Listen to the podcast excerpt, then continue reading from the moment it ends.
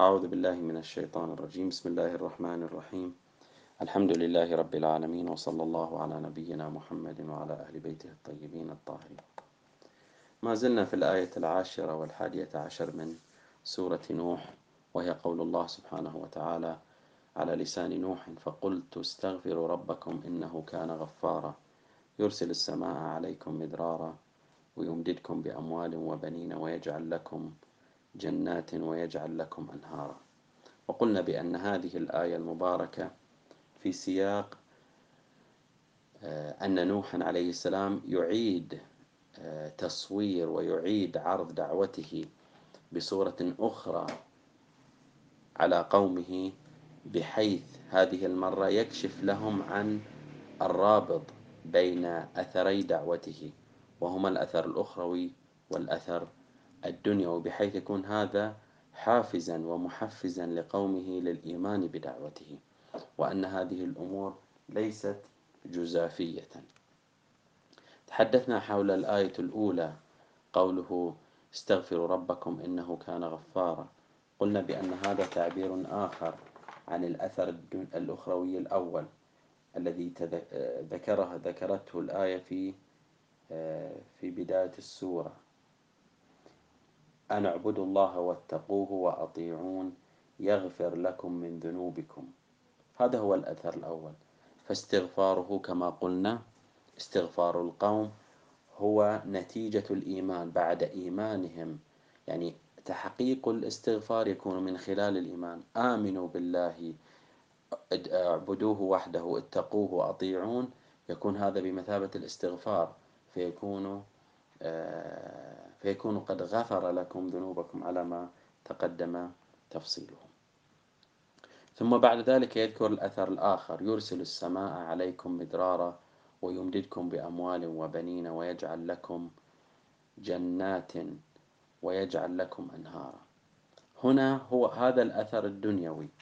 وهذا الأثر في تقديره هو نفس الأثر الذي تحدثت عنه السورة في بدايتها. قوله ويؤخركم إلى أجل مسمى إن أجل الله إلى آخره. هو نفسه لكن بإعادة عرض تفصيلي أكثر. بداية هذه الآية الآية الحادية عشر يرسل السماء عليكم مدرارا جاءت مجزومة. بمعنى استغفروا ربكم مجزومة يعني جواب لأمر. استغفروا فعل أمر جوابه يرسل السماء عليكم. فاستغفروا الله وسوف يرسل السماء عليكم مدرارا ويمددكم بأموال إلى آخر الآية. إذا نحن أمام آه، إعادة كما قلنا عرض وإعادة آه، استعراض الدعوة بصورة تكون محفزة للقوم. بالنسبة للآية الحادية عشر عبر هكذا قال يرسل ولم يقل ينزل. والإرسال هو فيه نحو من الاستمرارية خلافا للإنزال الذي يكون بالمرة الواحدة. نزل المطر يعني مرة واحدة ولكن أرسل المطر بمعنى أنه كان متواصلا وممتدا في آه، عطائه. يرسل السماء السماء هنا اسم من أسماء الأمطار فإن الله سبحانه وتعالى لن يرسل نفس السماء إليهم وإنما سيرسل إليهم أمطارا بقرينة مدرارا يرسل السماء عليكم مدرارا يعني المدرار هو كثرة الدرورة إشارة إلى غزارة الأمطار.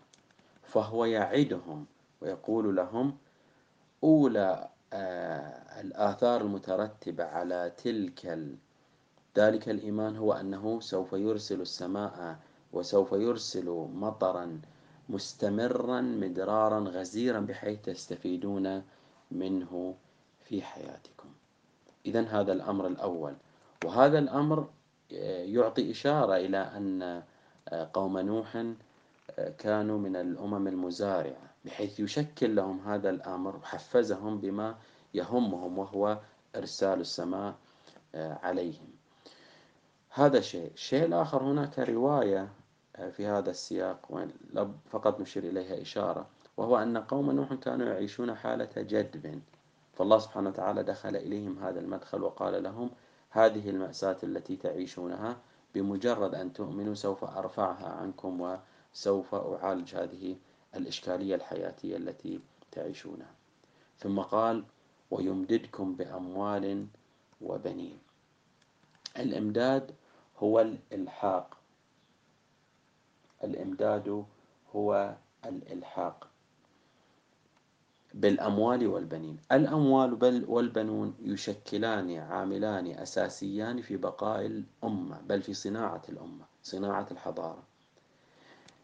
إذا كانت الأمم تمتلك المال وتمتلك الرجال ثم بعد ذلك بدأوا بنظم أمرهم فإنهم سوف يتقدمون وسوف يعيشون حالة من التوسع آه، ومن البقاء الأطول. ولذلك وعدهم الله سبحانه وتعالى بأنهم بالاستغفار سوف يكون لهم يمددهم بأموال وبنين. جيد. ثم قال ويجعل لكم جنات ويجعل لكم أنهارا. هنا يعدهم بصناعة بيئة مميزة للعيش والبقاء. جنات حدائق مزارع فيها ثمار وأنهار لبقاء وإبقاء تلك الجنات. فهكذا نتصور. تنزل الأمطار عليهم باستمرار. تنتعش الحياة عندهم تنتعش الأرض عندهم تتشكل الجنات تتشكل المزارع تتشكل الحدائق. ثم الماء الفاضل من ذلك التشكل تتشكل الأنهار هنا. لإبقاء تلك الحدائق آه، لفترة أطول ولتغذيتها حتى تبقى فترات أطول. إذا هذه الأمور الآن أريد أن أرجع وأربط بمسألة ويؤخركم إلى أجل إذا كانت الأمة تمتلك هذه المقومات إرسال السماء والإمداد بالأموال والبنين وصناعة البيئة المناسبة هذه مقومات بقاء المجتمع وبقاء الأمة وبناء الحضارة. فالله سبحانه وتعالى في بداية السورة عندما قال أن اعبدوا الله واتقوه وأطيعون. يغفر لكم من ذنوبكم. هذا تحقق الأثر الأول وهو أثر أخروي سيترتب عليه. إضافة إلى ذلك هناك رابط بين هذا الاستغفار وهو ويؤخركم إلى أجل مسمى هو يرسل السماء عليكم مدرارا فهو تفصيل لذلك الإجمال الذي أنذر به نوح قومه. إذا نحن أمام معادلة واضحة. آمنوا بالله. آمنوا بدعوة الله. بدعوة الله. اعبدوا الله. اتقوه. أطيعوا الرسل. سوف يتحقق من ذلك. هذا الإيمان هو نفسه استغفار عملي وبالتالي سوف يستغفر لكم الله سبحانه وتعالى. وهذا له أثر أخروي وهو دخول الجنة وعلو المراتب ثم بعد ذلك هذا الاستغفار له رابط وجودي خارجي وهو أنه إما نقول هكذا يؤخركم إلى أجل مسمى أو يرسل السماء عليكم مدرارا إلى آخر الآية. وبتعبير آخر سوف تعيشون مقومات البقاء وسوف تعيشون وسوف تمدون بعوامل بناء المجتمع وبناء الحضارة وبالتالي الامتداد الزماني في هذه الدنيا. إذا هذا ربط بين تلك الآثار التي أجملها نوح عليه السلام في بداية السورة المباركة. إذا هو كما قلنا ونؤكد عليه هو إعادة إنتاج أو لنقل إعادة عرض وإعادة استعراض لهذه الدعوة ولآثارها بطريقة تكون أكثر جاذبية أو لنقل تجذبهم من الزاوية التي تجذبهم للإيمان بهذه الرسالة المباركة. هنا بعد أن آه، بعد أن است يعني بينا هذه هذه الشكوى أو هذا الجزء من شكوى نوح لله سبحانه وتعالى هنا يبرز تساءل فيما يرتبط بينها يرتبط بهذا الربط بين الآثار آثار الإيمان وآثاره الدنيوية. تساؤلان أساسيان يمكن أن نتطرق لهما باختصار. هنا يبرز هذان الأساسيان هذان التساؤلان الأساسيان اللذان يرتبطان بهذا الربط بين الآثار الدنيوية والآثار ال... بين الإيمان والآثار الدنيوية. التساؤل الأول هل هذه قاعدة عامة كلية يمكن تعميمها؟ بمعنى هل هذه سنة إلهية؟ فكلما حصل الإيمان من قبل أحد والاستغفار حصلت له آثار دنيوية؟ أو هو خاص بهذه الحادثة وخاص بقوم نوح؟ فإن نوح أراد أراد الله سبحانه وتعالى أن يحفزهم للإيمان فقال له أنا سوف أربط لهم بين الإيمان وبين الآثار الدنيوية. هل هذه قاعدة كلية عامة سنة إلهية أو ليست كذلك وإنما هي خاصة بالقوم؟ ما هو الموقف القرآني من هذه القاعدة أو من هذا الربط آه، بين الأمرين؟ يرى بعض المفسرين أننا لا يمكن تعميم هذا الربط بجعله قاعدة كلية بحيث كلما حصل الإيمان فإن هذا المؤمن يترقب أثرا دنيويا من سعة رزق وسعة عيش وطول العمر وغير ذلك. ويرى أن هذا الوعد الإلهي هو لخصوص قوم نوح. فنوح عليه السلام جاء لقومه ووعدهم بهذا الوعد. لأنهم استكبروا لأنهم تمردوا لأنهم جعلوا أصابعا في آذانهم. فالله سبحانه وتعالى وعدهم استغفروا ربكم إنه كان غفارا يرسل السماء عليكم مدرارا إلى آخره.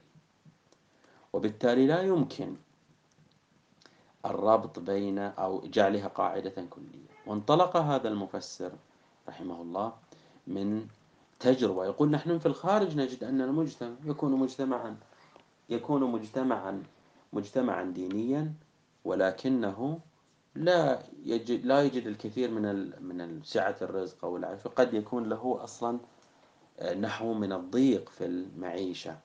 ولذلك لجأ إلى هذا الحل وقال بأن هذا الحل أو هذه هذا الأمر خاص بقوم نوح عليه السلام. ولكن هنا يمكن التعليق على هذا الرأي. وهو أن سياق الآية أو السياق الذي تنطلق منه هذه الآيات ليست سياقا خاصا وإن كان الخطاب هو خطاب من نوح لقومه.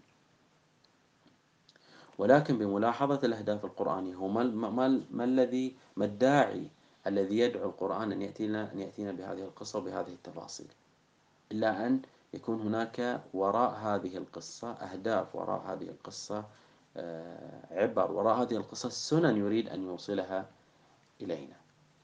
وبملاحظة ما قبل هذه الآيات وما بعد هذه الآيات نجد أن نوحا كان في صدد تبيان قانون الله عز وجل في هذا الموضوع.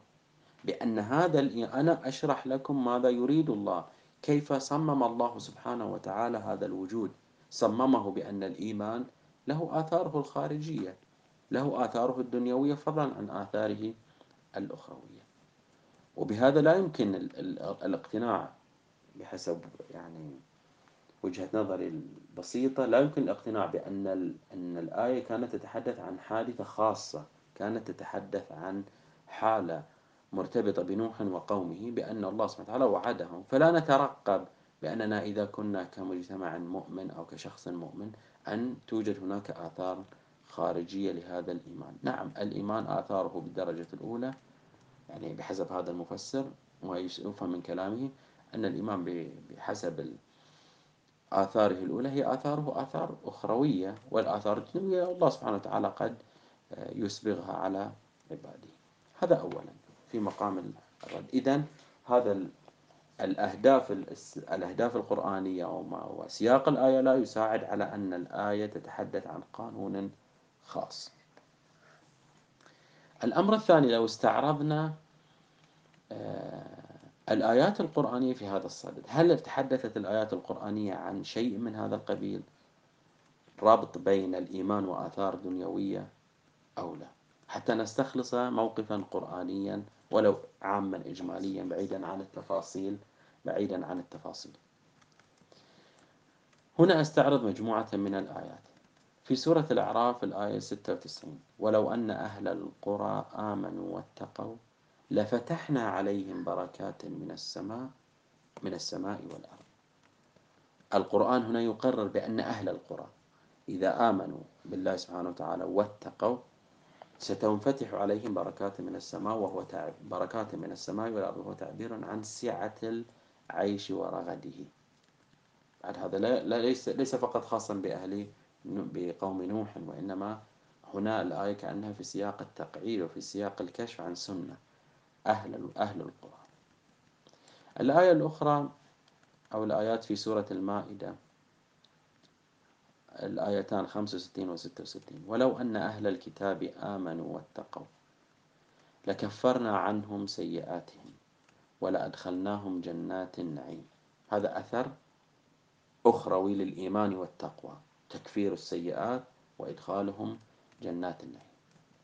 ولو أنهم أقاموا التوراة والإنجيل ولو أنهم أقاموا التوراة والإنجيل وما أنزل إليهم من ربهم لأكلوا من فوقهم ومن تحت أرجلهم منهم أمة مقتصدة وكثير منهم ساء ما يعملون.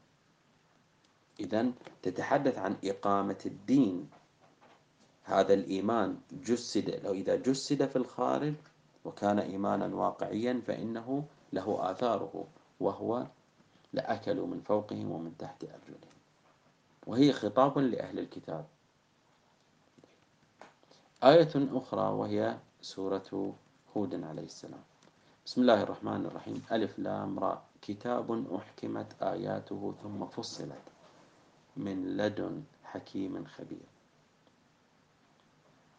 ألا تعبدوا إلا الله. إني لكم منه نذير وبشير وأن استغفروا ربكم ثم توبوا إليه يمتعكم متاعا حسنا إلى أجل مسمى ويؤتي كل ذي فضل فضله إلى آخر الآية. إذا تتحدث عن أن الاستغفار استغفار الله والتوبة إليه سبب في أنه يمتعهم متاعا حسنا إلى أجل مسمى. قيد إلى أجل مسمى يعني أثر دنيوي يعني التمتع والمتعة متعة دنيوية. متعة دنيوية. إذا يبدو من حسب سياق هذه الآيات أن الله سبحانه وتعالى يكشف عن رابط وجودي حقيقي واقعي في الخارج بين الإيمان بين الاستغفار بين عبادة الله وتقوى بين طاعة مبادئه والإيمان بمبادئه وبين الآثار الدنيوية لهذا الإيمان. إذا بحسب الظاهر ليس الإيمان فقط له أثر أخروي وإنما له أثر أخروي وله أثر دنيوي. بل هناك من الآيات من تنص على أن هناك أثر سلبي للتمرد على الله سبحانه وتعالى. لاحظوا هذه الآية في سورة الروم. ظهر الفساد في البر والبحر بما كسبت أيدي الناس. الفساد في البر والبحر بأي شيء بما كسبت أيدي الناس بسبب أفعالكم. ليذيقهم بعض الذي عملوا لعلهم يرجعون.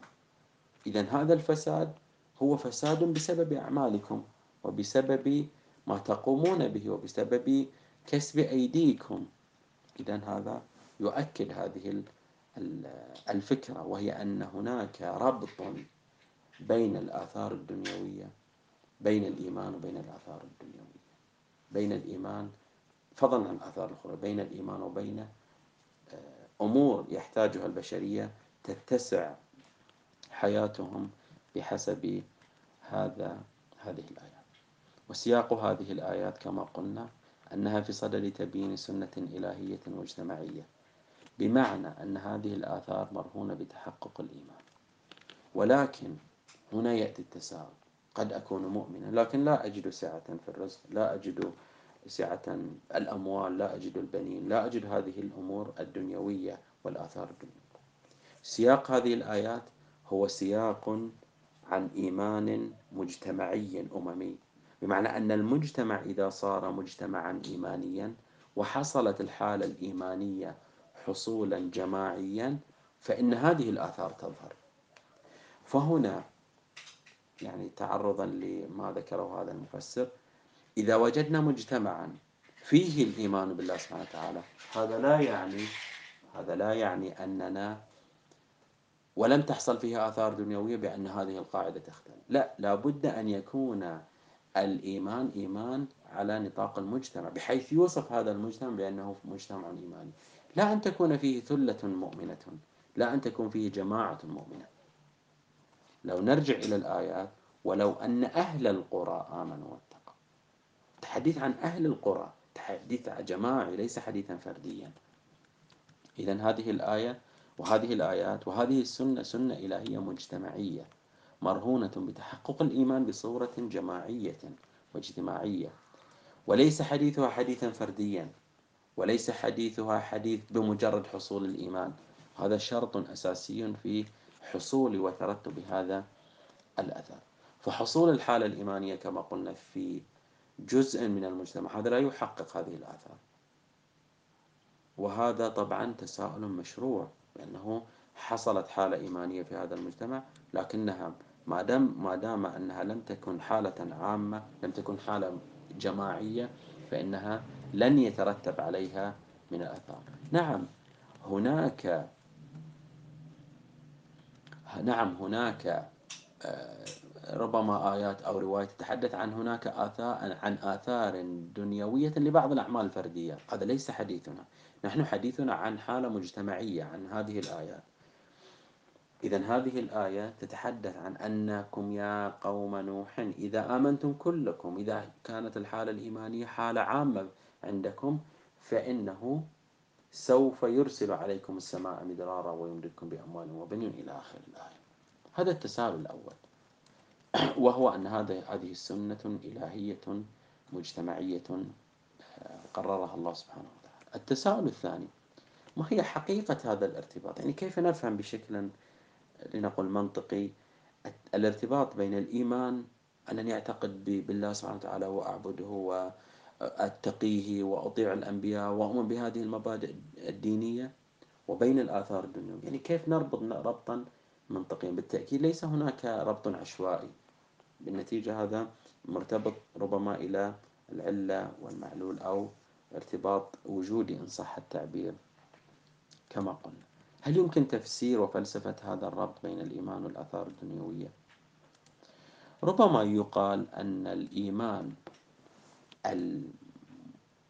المجتمعي الإيمان الأممي إذا آمن أهل القرى إذا آمن المجتمع بشكل عام صارت الحالة الإيمانية حالة عامة في المجتمع فإن هذا المجتمع سيكون محطة رحمة الله سبحانه وتعالى.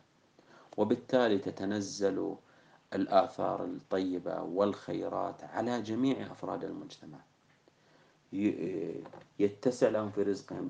تنزل السماء بركاتها يأكلون من من فوقهم ومن تحت أرجلهم يجعل لهم جنات يجعل لهم أنهار وغيرها من الآثار التي يترقبها ويسعى إليها البشر في هذه الحياة. إذا هذا الرابط بين الإيمان وبين الآثار الدنيوية بأن الإيمان يحقق شرطا لنزول هذه الخيرات وهو أن يكون هذا الإيمان محط رحمة الله سبحانه كما أن الإنسان يتعرض لمحطات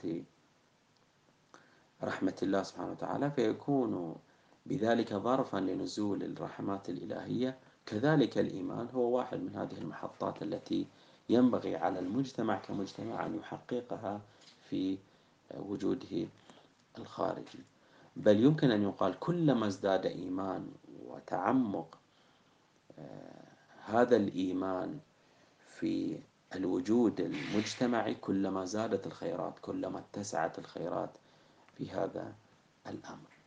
وكذلك العكس فإن قلة الإيمان سوف يقلل تلك الخيرات. قلة الإيمان المجتمعي لا قلة الشريحة يعني أن يكون هناك حالة إيمانية عامة ولكنها ضعيفة فإن هذا يقلل هذه الآثار. وانحراف المجتمع يكون سببا في انصراف وجه الله سبحانه وتعالى ورحمته عن هذا المجتمع. إذا نحن أمام هذه الحالة العامة. الآن قد يأتي استفسار وأنه نجد بعض المجتمعات الكافرة لها عندها وسعة في رزقها وفي آثارها وفي لنقل آه، أمورها الدنيوية.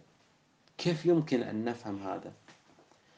أولا الآية لا تتحدث لا تتحدث بحسب الظاهر عن أن السبب الوحيد لسعة للآثار الدنيا وسعة الرزق والإمداد بالأموال والبنين وغير ذلك سببه الوحيد هو الإيمان. إذ قد يوسع الله سبحانه وتعالى في رزق قوم ويمددهم بالأموال وبالقوة وغير ذلك أنهم عملوا بالأسباب ومع كفرانهم تحقق لهم هذا هذا الأمر لأنه سنة قانون وجودي أنه إذا عملت بالأسباب تتحقق ولكن هذا التحقق يكون سببا في إبادتهم وهو مؤشر خطر. هم هم مجتمع متمرد على الله سبحانه وتعالى وعلى إرادته ومع ذلك نجد أنه له قدرة دنيوية واسعة. هم عملوا بالأسباب فتحقق لهم ذلك. تحقق لهم ذلك يعني هو نوع من البلاء والامتحان بالنسبة إليهم وسبب لعله يكون سببا في آه، سببا في هلاكهم وإبادة المجتمع. ونبلوكم بالشر والخير فتنة.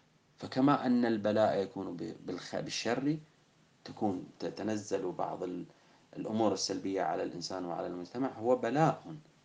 أيضا بالخير أيضا يكون هذا البلاء بأن تتسع الحالة الدنيوية لدى المجتمع ولدى الإنسان بلاء من بلاء من الله سبحانه وتعالى.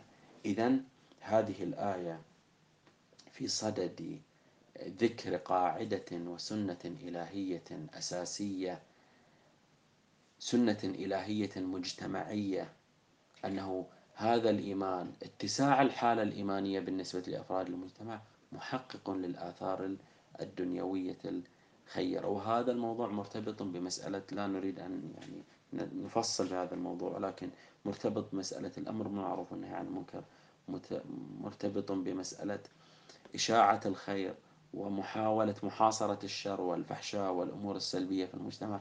كل ذلك ينطبق عليه إشاعة الحالة الإيمانية في المجتمع من أجل أن يغفر الله سبحانه وتعالى لهذا المجتمع.